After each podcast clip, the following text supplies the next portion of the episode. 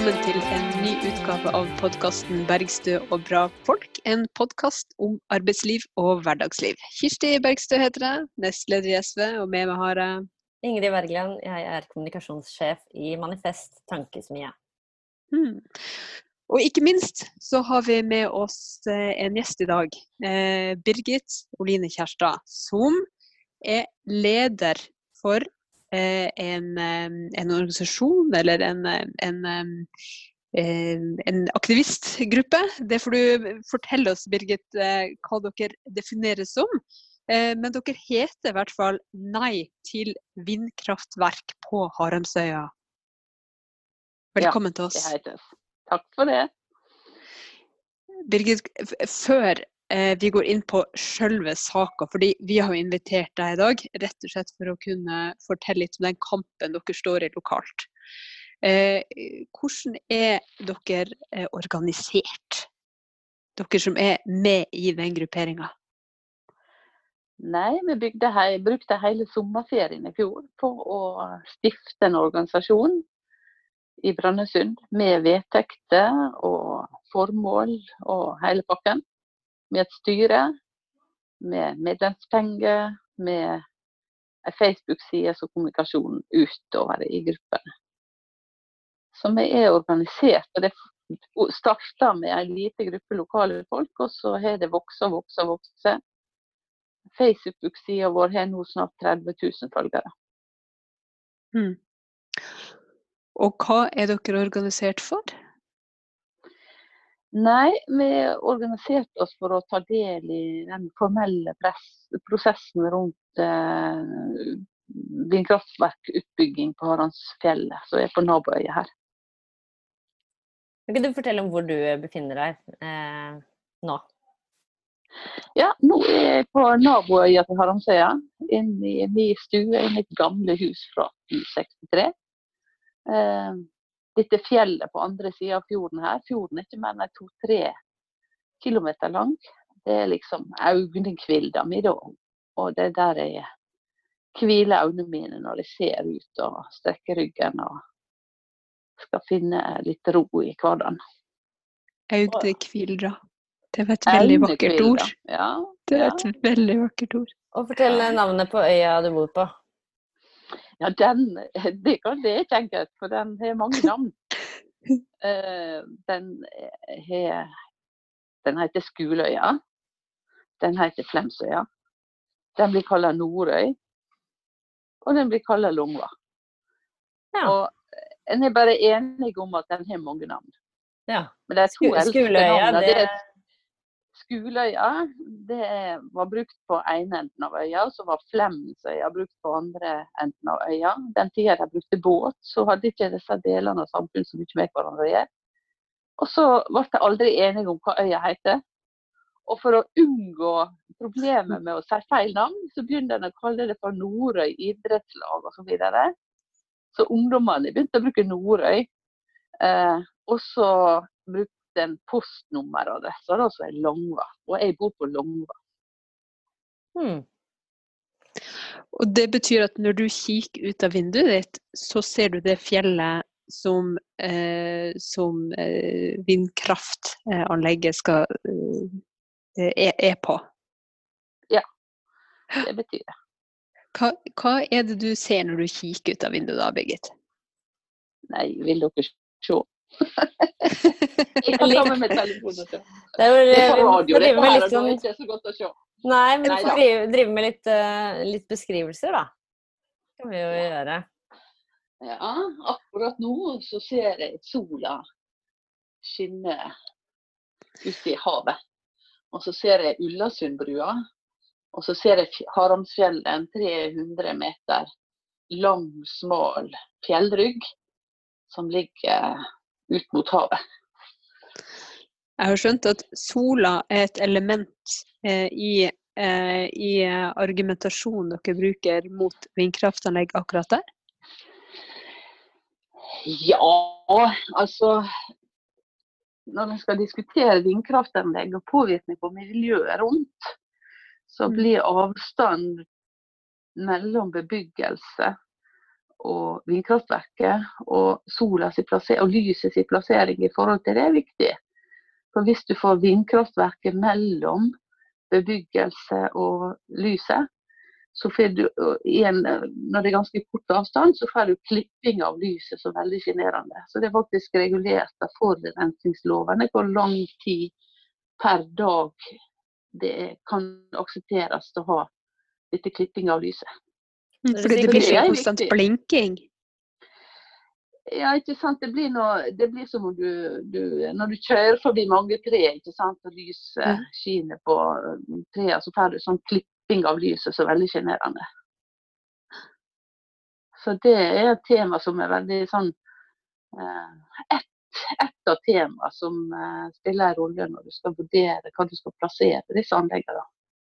Mm. Og denne øya her er ikke mer enn 13 kvadratkilometer stor. Den er 13, nei, altså 7-8 km lang og 2-2,5-3 km brei. alt dette sånn. Så det er en lang, smal øy. Og så er det et, et eh, bratte fjellside på ytterste enden av øya. Det er ei hattøy. Det vil si at her er strandflate rundt fjellet som er ganske smal. Og så har du det fjellet på til ca. 300 meters høyde, og der oppå skal vindturbinene stå. Sånn at det, det, vil være veldig dominerende for hele, hele lokalmiljøet og landskapet her. Og så er det tett mellom øyene, bare et par kilo, to-tre kilometer. Som gjør at det vil få en veldig sånn, eh, sterk visuell eksponering fra naboøyene. Hvor lang er prosessen kommet nå da med med, med, utbyggingen? Altså, du beskrev at dere dannet organisasjonen deres i fjor sommerferie. Ja, denne organisasjonen var dannet i fjor sommer. Jeg begynte personlig med saken allerede i 2002. Jeg. Og så hadde vi en annen organisasjon som holdt på da, i konsesjonsprosessen. Den heter Åpe landskap.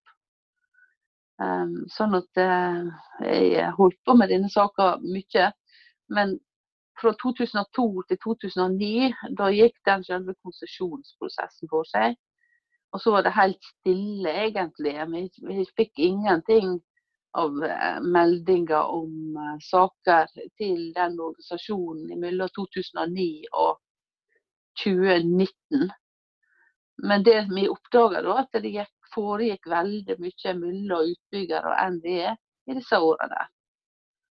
Så uh, men som ikke, var, som ikke var åpent uh, Som ikke var en åpen prosess? Ja, eh, det var iallfall ikke meldt om søknad om forlengelse av konsesjon f.eks. Og Det er noe av det som gjør at jeg holder oppe motivasjonen og jobber videre med det. For at den saksbehandlingsfeilen den er ganske alvorlig for lokalsamfunnet. Uh, nå er ikke det alt lokalsamfunnet alle skal involveres i, men de store spørsmålene knyttet til om at du skal forlenge en konsesjon, det syns jeg absolutt må meldes til alle berørte parter. Og berørte parter i en sånn sak er nå alt fra idrettslag til folk som får, eh, får eh, støy og skuggekast til husene sine, og egentlig hele lokalsamfunnet her ute. Da, I og med at det vil være en sånn dominerende del av, av eh, lokalmiljøet. Er det det dere tenker at det er nøkkelen til å kunne vinne kampen mot eh, utbyggerne? Det ja, du beskriver som en saksbehandlingsfeil? Ja. ja, det tror jeg faktisk er det viktigste. Eh, det pluss eh, flere andre ting da, som er som er knyttet til kunnskapsgrunnlaget som er lagt til grunn for vedtak. Mm. F.eks. så er det et konsesjonsvilkår at du ikke skal ha støy over 45 eller den dBA gjennom året. Og så er det lagt fram en støyrapport, og så oppdaga vi egentlig etter at hele prosessen var ferdig, at denne støyrapporten, som for øvrig var utsendt på engelsk, eh, inneholdt en del parametervalg som kunne på en måte være med å styre utrekningene litt akkurat om grensa. Eh, Sånn at det nå i morgen skal det være et, kommunestyrevedtak med høring på den endrings, siste endringa, MTA-planen, miljø-, og anleggsplan, eh, der kommunen sannsynligvis vil kreve en ny støyrapport. før man får starte opp? Nei, det er, altså, Tina Bru gjorde det kunststykket da, å vedta og godkjenne miljøtransport- og anleggsplan, og så samtidig vedta at det skulle flytte på fem turbiner og lage nye rapporter etterpå. Så det er en veldig merkelig sak. da. Så dette er helt eh, oppe på departementsnivå? Ja, det, klagen går på altså NVE er saksbehandler, og så går klagen til departementet. I Olje- og energidepartementet. Og det som jeg syns er veldig sånn, eh, sånn, eh, frustrerende, da, det er det at vi har et system der eh, NVE, nei, Olje- og energidepartementet er eneste klageinstansen at ikke Miljødepartementet f.eks. er involvert i å, godkjenne kunnskapsgrunnlaget i disse sakene. Så har veldig mange miljøspørsmål. Det syns jeg er svakhet med det norske systemet. Mm. Dette var jo noe Silje Lundberg i Naturvernforbundet også tok opp. Vi hadde henne som gjest eh, på podkasten her eh, for noen uker siden. Eh, nettopp, nettopp, problematikken rundt at miljøaspektene måtte ikke spiller inn i det hele tatt. For dette handler bare om energi. Ja, og så er det veldig pussig at det, når du skal lage en støyrapport, så blir det vesentlig kunnskapsgrunnlag i forhold til å vurdere miljøpåvirkning og bebyggelse og befolkning. Så leter der en, en part som har store økonomiske interesser i saken, kjøpe seg en rapport, og så godkjenner du det som kunnskapsgrunnlag. Altså I en, normal kontekst så vil en sånn rapport, nei, en sånn aktør være inhabil. Og det syns jeg er helt pussig at Stortinget sitter i fred og ro og let dette systemet rulle og gå, der utbyggerne er langt på vei for å definere kunnskapsgrunnlag, og det er lite kvalitetskontroll på det som er der. For Det som er problematikken, da, ikke sant, at utbygger skal legge fram en, en rapport, og så eh, bestiller de det med et konsulentselskap. Og Da blir det et avhengighetsforhold mellom det konsulentselskapet og bransjen, som gjør at konsulentselskapene, for å ha marked for videre arbeid, må faktisk tekkes litt, disse her, disse her eh, utbyggerne. Og når forvaltningsorganet NVE eh, er altså når jeg løser såpass mye av de rapportene som er på denne saken, at jeg vet at her er veldig mye dårlig kunnskap levert. Og det, det, det, Jeg tror det er mye av den frustrasjonen og sinnet som kommer til overflata rundt disse sakene, knyttet til disse tingene her som er strengt saklige. Og det er en kjempefrustrasjon og bekymring over at det, sagt, det som jeg trodde var åpne og demokratiske prosesser, egentlig er kjøpt og betalt. Og det, det er ikke bra. Det blir jo litt som hvis man skulle selge huset sitt, så, så var det jeg som skulle da uh, hyre inn en takstmann, som, uh, som, senere også kunne være liksom min, min, min jeg kunne kjøpe tjenester av, og som da skulle vurdere sånn Ja, den råten, er den Er det egentlig så råttent i kjelleren der? Nei, kanskje ikke. Altså, det er jo en veldig, veldig spesiell relasjon når man tenker på hvordan rapporter normalt sett ses på som noe som er fra en uhildet tredjepart. da. Nå er det jo veldig ja. mange som har kjøpt uh, hus nettopp på det grunnlaget. Uh, fordi at du har en takst, uh, takstperson som kommer inn, og så står det i kontrakten at du kjøper det sånn som det er. ja da, ok. Det var et ganske dårlig, dårlig, dårlig forslag.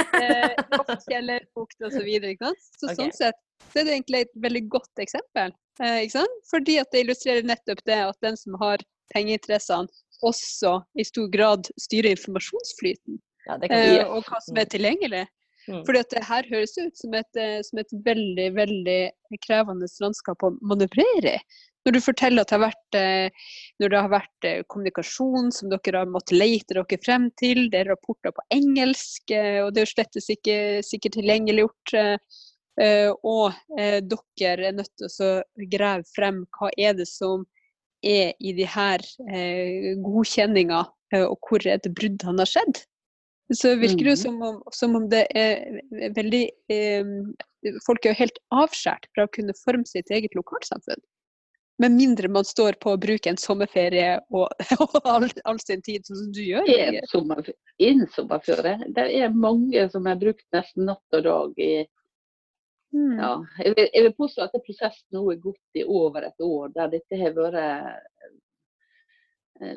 i hodet hver eneste dag for å prøve å finne fram til ting å ta tak i. Og, og jeg er ikke alene. Altså mange, nå, så nå er det et helt lokalsamfunn som står i i aksjonsberedskap. Da.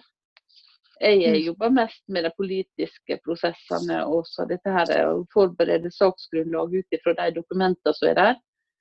Sette i veiledere og finne ut hva er det som gjelder, for å komme inn i saka på en saklig måte. ikke sant? For det er veldig stor tro på. Eh, så hvis jeg ikke når fram nå, så mister jeg trua på sakligheten i forvaltninga. Det, det syns jeg er det nesten mest alvorlige. For det Å se stempelet nei til vindkraftverk i panna, men ikke sant, det begynner egentlig andre veien. At du finner ut at det, her er det faktisk eh, noe i saken som gjør at det, en må faktisk bare ta tak i det. Så det, de fleste begynner ikke med et sånt nei-standpunkt i utgangspunktet. De fleste begynner med nysgjerrighet. Og så når du begynner å, å, se på hva som ligger i saken, så, så har iallfall i denne saken For jeg må snakke om denne saken, for jeg har ikke engasjert meg veldig mye i mange andre. Mm. Men jeg ser nå fort at det her er mange andre saker med som er miljømessig veldig tvilsomme. For sånn som På Harangsfjellet nå, så er det nå er det snakka litt om bebyggelse og skyggekast og støy og sånn. Men der er fuglereservat på én side, fuglefredingsområde på to sider til. Sånn at det er på tre kanter av dette, denne smale fjellryggen så er det fuglefredingsområde. Og, og, og, Norsk ornitologisk forening sier at disse her områdene her, de er egentlig veldig verdifulle sånn internasjonalt sett. Det er en del av skal ha et spesielt vern i forhold til Bernkonvensjonen og internasjonale avtaler for, for fugl, som er på en måte et felles ansvar for å forvalte. Men når, selv om sånn kunnskap blir lagt fram, så ender det opp med at de plukker ut litt her og litt der, en setting her og en setting der. Og så ender bruken av naturmangfoldslova opp med at du skal eh, gjøre en kort forundersøkelse, og så skal du følge med hekkesuksessen til én rødlisteart. Og så skal du under, altså, registrere døde fugler. Etter at de er satt opp? Etter det er satt opp, og da har du anvendt naturmangfoldslova. Da er det jo for sent. Ja, altså Det er akkurat så det, det, det, er en, det, er en, meget spesiell måte å oppfatte og, og tolke og tolke og bruke lovene i disse sakene. Og Derfor så ender jeg opp med å tenke at det lovforståelsen og lovanvendelsen og praksisen er i strid med lova i det som blir gjort i NVE i flere av disse sakene. Og det, og det blir i seg selv en veldig sterk motivasjon til å fortsette arbeidet. Fordi at Hvis ikke en rydder opp i dette her, så, så, så kommer ikke i mål med å ta vare på miljøet sånn som en tenker at en bør gjøre. Men Du sa at du hadde begynt i 2002 å jobbe med, med denne saken. Eh, kan du -hmm. bare forklare hvordan, måte, eh, hvordan dette kommer i gang? Er det sånn at eh, kommunen selv ønsket at det skulle være en utbygging, eller kommer det en utbygger til kommunen og sier her var det fint og mye vind, her vil vi bygge? Altså hva er liksom prosessen?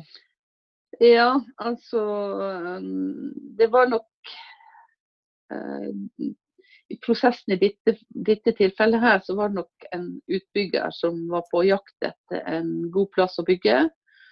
Og så var det noen lokale grunneiere som eh, også har dyrka mark oppå fjellet der, og en vei oppå fjellet som letter litt etter en måte å få tjene mer penger på det. da, For å hjelpe, få hjelp til å vedlikeholde veien opp. Eh, altså Olav Rometveit, som nå er direktør i Sefyr, han var med allerede den gangen i oppspillet. Og da var det et lokalt selskap som søkte. Eh, og så fikk konsesjonen i 2009. Men de hadde et eierskap, Østfold Energi og Bardar hadde et eierskap i det opphavlige selskapet også. Så jeg tror de har lagt litt sånn i, i bakgrunnen hele tida og, og ønsker den utbygginga. Og så er det NVE som blir kobla inn i prosessen i forhold til at det skal være en melding med en søknad. Og så skal det være noen formelle møter i lokalsamfunnet og kommunen i den konsesjonsprosessen der en spør etter innspill. Så den prosessen der egentlig var på mange måter grei i forhold til at det var åpna opp for innspill. Og det var jo nok gitt noen høringsfrister, så kunne en skrive. Men det som jeg sitter igjen med etter å ha deltatt på den prosessen, det er at det, er det som du spiller inn, det blir veldig liten grad lytta til, selv om det er ganske saklig. Eh, Lokalbefolkninga har jeg altså blir egentlig langt på vei bare oversett. Det er bare en sånn der eh, narrespill, tror jeg egentlig. Virker sånn på meg. Men har det vært folkemøter og eh, informasjonsmøter og invitasjon til å kunne være mer, eh, være med eh, som delaktige innbyggere? Det var det i konsesjonsprosessen. Det var to møter. Altså etter de presenterte søknaden og konsekvensutredninga. Den, den kom samtidig i disse sakene. Og så var det til møtet. Så, eh, så, så, det var for så vidt møte den gangen. Men ikke sant, så er det problematisk at det, du, det går ti år da, før det at det, skjer altså før altså Konsekvensutredninga er nå bygd på kunnskap fra, fra 2004. Mm. Og, og, den er mangelfull. Det er store felt i, som altså f.eks. masseuttak opp på fjellet inne i planromområdet det er aldri vært konsekvensutreda. Og dermed så kan en lure på om at det er den, den konsesjonen egentlig altså, Den burde vært vurdert på nytt ut ifra ny kunnskap og ny situasjon. Mm. Hvis det hadde vært folkeavstemning om, eh, det skulle bygges eller ikke, hva tror du resultatet hadde blitt? Nei, Det tror jeg hadde vært massivt imot nå, altså. Mm. For, eh, for det Altså, den gangen når prosessen gikk rundt konsekvensutredninga, så var det mindre turbiner som var visualisert og diskutert. Um, og så hadde ikke folk kunnskap egentlig om hva det betydde. Sant? Det var innmari bratt læringskurve. Det å finne ut ja, hva, er dette, hva betyr dette her, plassert der. Hva, det er noe helt nytt noe, og det er veldig mye større enn alt mulig annet du har i lokalmiljøet. Hvor stort er det, da? Sånn disse turbinene de er 150 meter høye. 150 meter høye? 150 meter høye. Og da skal de stå på toppen av fjellet også? Og de står på, opp, opp, på toppen av fjellet. Ja. Hvor høyt er fjellet, da? Eh, 340 87 meter er høyeste punktet. Så fjellryggen ligger sånn 320 meter sånn på jevna utover. Nå har jeg ikke så veldig mange sånne landemerkestørrelser i hodet. Kan, kan du si hva liksom Frihetsgudinnen eller Eiffeltårnet eller sånn er, eller? Nei, jeg husker ikke hvor høye de er. det husker ikke, Men det er nå rimelig høyt, da. Ja, for dette er jo ganske mye høyere enn det, liksom? Ja, også den visuelle påvirkninga blir på en måte fjellet pluss turbin. Altså Det er helt annerledes hvis du plasserer det i et flatt landskap. Da er det bare turbin. Men når du løfter det opp på en pidestall, på en måte, så får du enda mye større område som blir visuelt eh, påvirka av det. Mm. Men det visuelle altså, den, altså her, her som jeg bor, og bare se på dette anlegget bort der, det kunne jeg sikkert vent meg til. Men det som jeg syns er så innmari tungt å leve med, det er at det er de som bor innunder fjellet der. Mm. Det bomiljøet det er kulturlandskapet som er et av de utplukka verneverdige kulturlandskapene Møre og Romsdal får dette veldig tett innpå. Og så er det er det det med fuglelivet, da. Altså, det heter Haramsøya. Den, det er et øy som har navnet sitt etter havørna. Mm. Eh, og, og, det sier litt om hvor eh, markant den fuglen har vært for dette området her i tusenvis av år. For det er så mye heng, altså det er stor solinnstråling på her, disse bratte fjellsidene. Sånn at havørna ligger ofte og flyter opp med disse her eh, oppadgående luftstrømmene rundt Mm. fjellet. Glir fra ene sida til den andre. Og, og den er veldig kollisjonsutsatt. Både den og flere andre fugler er kollisjonsutsatt pga. plasseringa oppå denne eh, kanten. Mm. Uh, Tenker du at det burde vært en f.eks. en vetorett i kommunestyret, eller at man skulle hatt en folkeavstemning? Eller hva tenker du skulle vært gjort da, for, at, eh, for å oppleve dere mer hørt? ja, altså jeg tenker at det å presse gjennom noe som ikke er, har lokal forankring, det kommer det ingenting godt ut av. Og så tenker jeg at prosessene må være gode. Altså eh, Litt av problemet er at når saka kommer til kommunestyret, så har veldig mange av kommunestyrerepresentantene for lite kunnskap egentlig til å kunne gjøre forsvarlige vedtak. Og Det som er typisk, er at eh, disse her aktørene som søker, da kommer med penger på bordet da, tett før vedtaket. De kommer gjerne sånn tett inn i vedtaket. så ikke, De blir på en måte lokka med ting som eh, altså store inntekter, arbeidsplasser og forskjellige sånne ting som i dette tilfellet, iallfall på dette anlegget her, er, er forsvinnende lite verdi for lokalsamfunnet. For det blir egentlig ikke arbeidsplasser. Nei, jeg skulle til å si det. Det er vel ikke så veldig mange som jobber på et slikt anlegg? Nei, der, er, der blir ikke noen arbeidsplasser. Så det blir servicefolk som kommer med fly og fra andre land sannsynligvis og driver service på det. Om det blir litt sånn lokalt, det kan hende, men det er ikke, det er ikke en viktig sak. sånn. Det Lokalsamfunnet sitter først og fremst igjen med et tapt, eh, tapt verdi på et flott naturområde. Det er ikke noe, det er ikke noe sånn grunnrente, på en måte, noe, eh, at man kunne etablert en eiendomsskatt eller næringsskatt som, som kommer lokalsamfunnet til gode?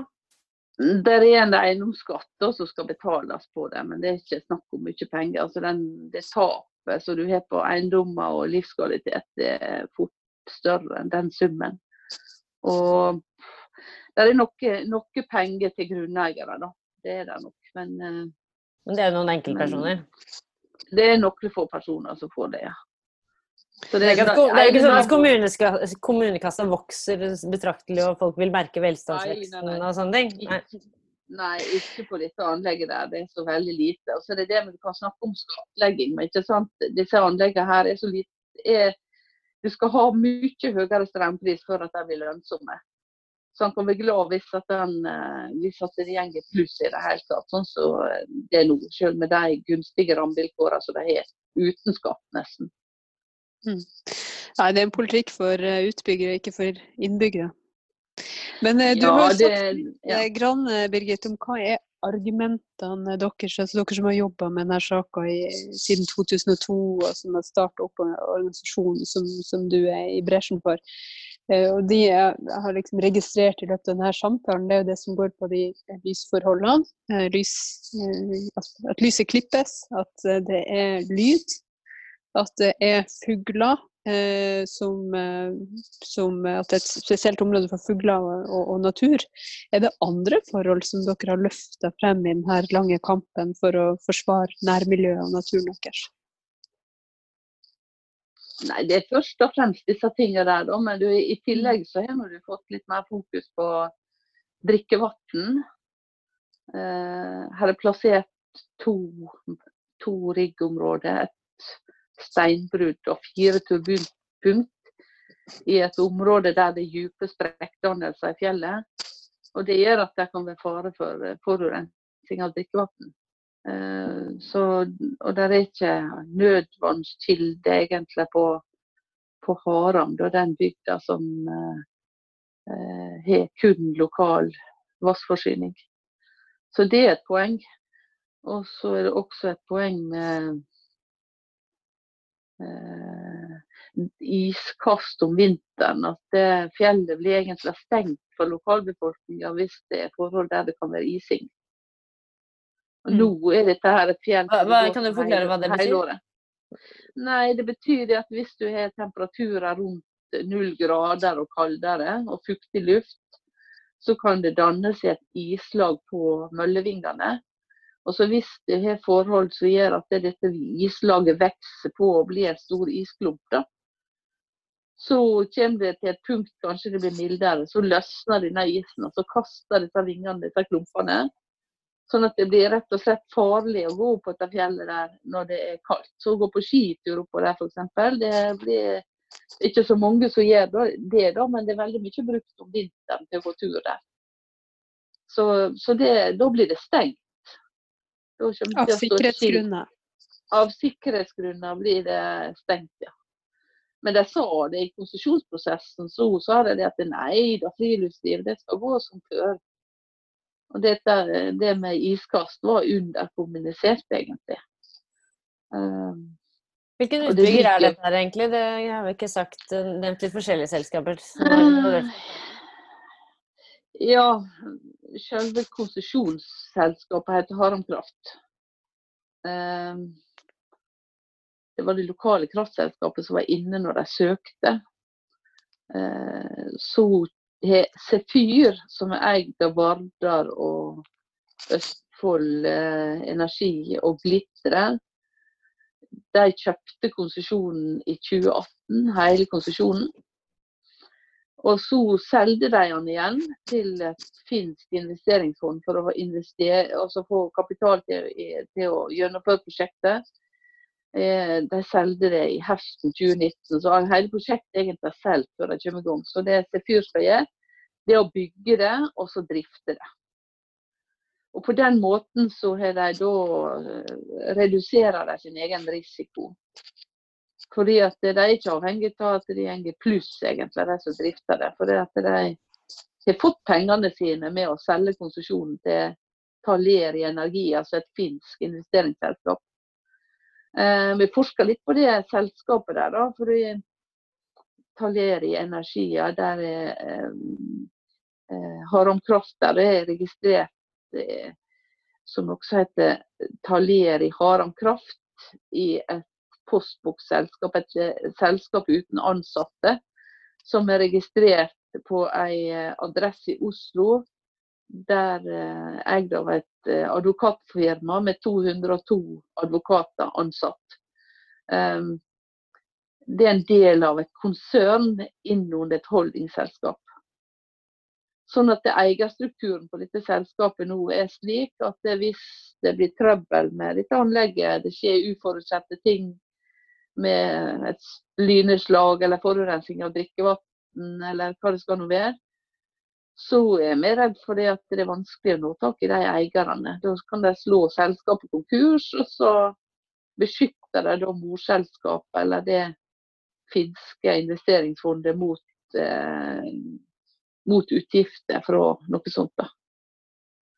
Så eh, kan det er helt annerledes enn det var når de søkte om konsesjon.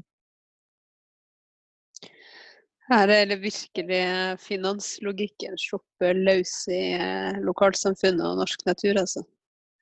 Ja, jeg tror faktisk det at nordmenn ikke er klar over hva som skjer. Jeg tror ikke det gjelder bare ditt, denne bransjen her, at du rigger sånne ting. Mm. Og jeg vil mm. tro olje, altså Våre sine investeringer gjennom oljefondet er rigga på samme måten for å beskytte, beskytte kapitalen. Mm. Og, det er, og, og, det, er, veldig mye jeg tror i, i disse her eh, grønne satsinger så er, noe, er det veldig mye sånn nærmest finansspekulasjon. altså At du skal kapitalisere på å omsette rettigheter og omsette sertifikat og omsette det ene og det andre.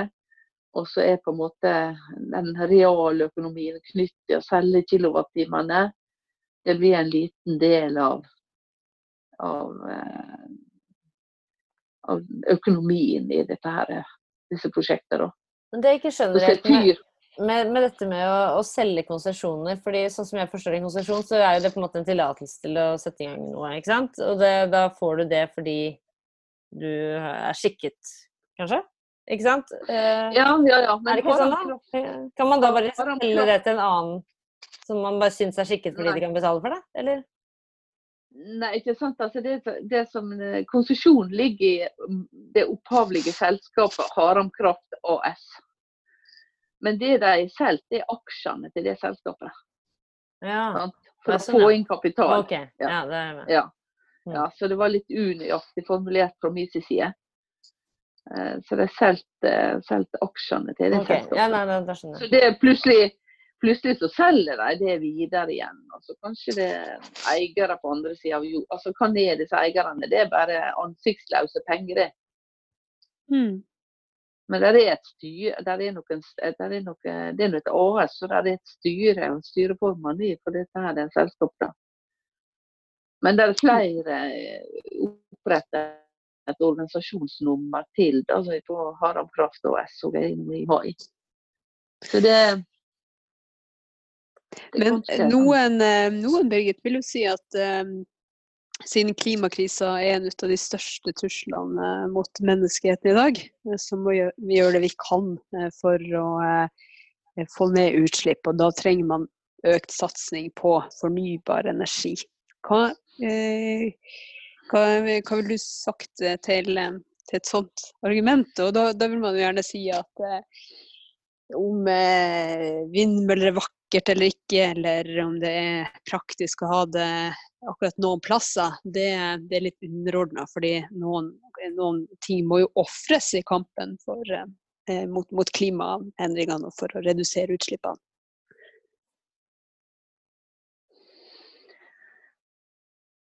Ja, altså dette her prosjektet her er en, eh, ikke viktig inn i denne sammenhengen. der, og Det blir veldig mye snakk om hvor du skal plassere det. For Mm. Samtidig som du har klimakrisa, så har du en like stor krise, og det er tap av biologisk mangfold. Eh, og Det er et veldig stort spørsmål om disse her vindkraftverkene egentlig er et godt klimatiltak. da.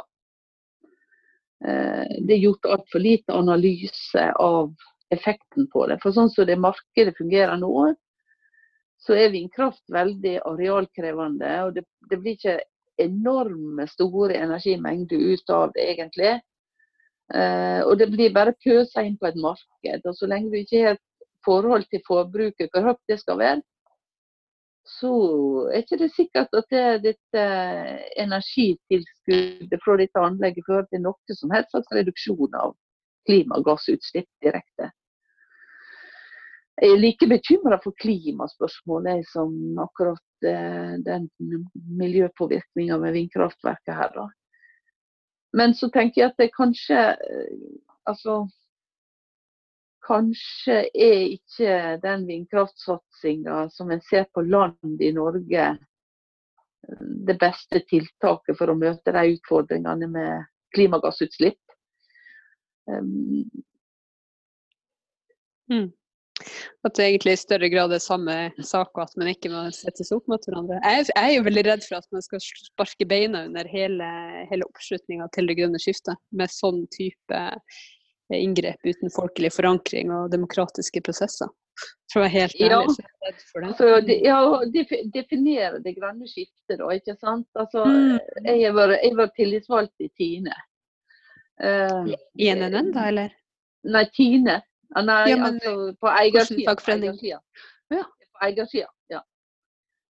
Og når Tine bygde nytt meieri i Bergen nå, så åpna i fjor, så bruker det meieriet 40% mindre energi enn det forrige. Mm. Fordi at du eh, tar i bruk ny teknologi. Også hvis han tenker på hva som skjedde nå med koronakrisen, og hvordan folk oppdager at du kan bruke nettet i stedet for å flyge for å være på møte og sånn, så kan du gjøre enormt mye med å, å jobbe smartere med den energien du har. Og jeg tror det at hvis han eh, han kan, Jeg aksepterer ikke fortellinga om at vi må bruke så himla mye energi for å leve gode liv. i da. En må begynne å forholde seg til grenser på forbruket. Ja. skal ikke erstatte all fossil energi med fornybar energi. En skal ikke gjøre det, for da ødelegger vi miljøet vårt. Mm. Men hvis du har vært ja. eh, tillitsvalgt eh, for Tine på eiersida, betyr det at eh, du har bruk? At du er bonde? ja, det er det jeg egentlig bør. Ja, nettopp. Eh, Fordi vi har jo et fast spørsmål i denne podkasten som vi eh, spør alle våre gjester. Eh, Nå vet vi at du er egentlig er bonde, men spørsmålet vårt er hva er, eller hva, din aller første jobb? Min aller første jobb var å jamne silo, tror jeg, på en nabogård der jeg vokste opp. Hva gjorde du, sa du? Jamna silo. Jamna silo. Jeg spredde, ja, ikke sant. Du kjører gresset, kjører gresset. Ja. Så skal du legge gras i silo, og så måtte noen stå der og jamne det fint til. ja, for det kunne ikke bare være en haug, liksom? Det måtte være jevnt Nei, det ikke, ja, det var jevnt utover for å, å ta, Mm. få, til den, få til den fermenteringa. Så var du nede i siloen, da? Ja, ja, ja. Det er jo sånn man hører om sånne grusomme sånne siloulykker og sånn. Det hørtes veldig skummelt ut. Ja, nei, det var ikke det, Vi passa på det. At vi gikk ikke ned i siloen før de tippa første lasset og fått lufta til å gå rundt litt. da. Ja. Så det, var, det, det lærte oss at det der skulle han være på. Og så var ikke de så veldig høye, disse siloene der. da. Nei. Så det, men da, da var jeg sånn ti-tolv år. Ja. Ja. Men du kjørte gresset ditt også? Nei, jeg kunne ikke kjøre traktor da. Men jeg fikk prøve å kjøre traktor med en bonde da etter en stund. og Det var noe, det var noe skremmende opplevelse. og Samtidig veldig gøy opplevelse av, av å mestre noe. Mm. Ja, og noe så stort. Som bokstavelig talt. Ja. ja, det var ikke så store traktorer den gangen. da. Men når man er ganske liten, når man er 10-12 år. Ja, jeg var vel eh, 13 da, tror jeg. da Jeg fikk prøve litt. Men Vi skal snart runde av, men jeg må bare få et uh, få svar. Hvis ikke får jeg ikke sove i kveld. Um, hva er det som skjer videre nå? Nei, Nå håper vi inderlig at vi når fram med argumentasjonen vår i, eh, i den siste høringsrunden. At det blir laga en ny støyrapport. At Tina Bru faktisk snur. Fordi at eh, Og ikke ødelegge dette fantastiske naturlandskapet her ute. Mm. Eh, For jeg, jeg tenker at denne konsesjonen har vært gitt på vesentlig feil grunnlag. Her er for sterk vind, her er ikke så godt egnet til å ha det her. Eh, Det, er for nært, det blir for stor belastning på lokalsamfunnet og de friluftsområdene og fuglelivet og eh, livskvaliteten med å bo på en liten øy.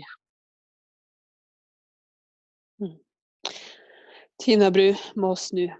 Birgit, yeah. vi er mange som støtter den kampen som dere står i. Hvis noen har lyst til å gjøre det med sitt medlemskap også, hvordan kan de gjøre det?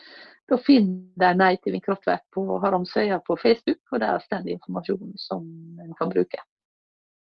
Mm. Tusen hjertelig takk for at du var med oss i dag, og tusen hjertelig takk for at du har stått på siden 2002 for en utrolig viktig kamp i lokalsamfunnet ditt. eh, Og for eh, eh, Ja, det er et spørsmål som er viktig eh, for, for hele landet. eh, Og det, da er det også eh, viktig at dere vet at vi er mange som følger på, følger med, og som heier på dere og den kampen som dere står i.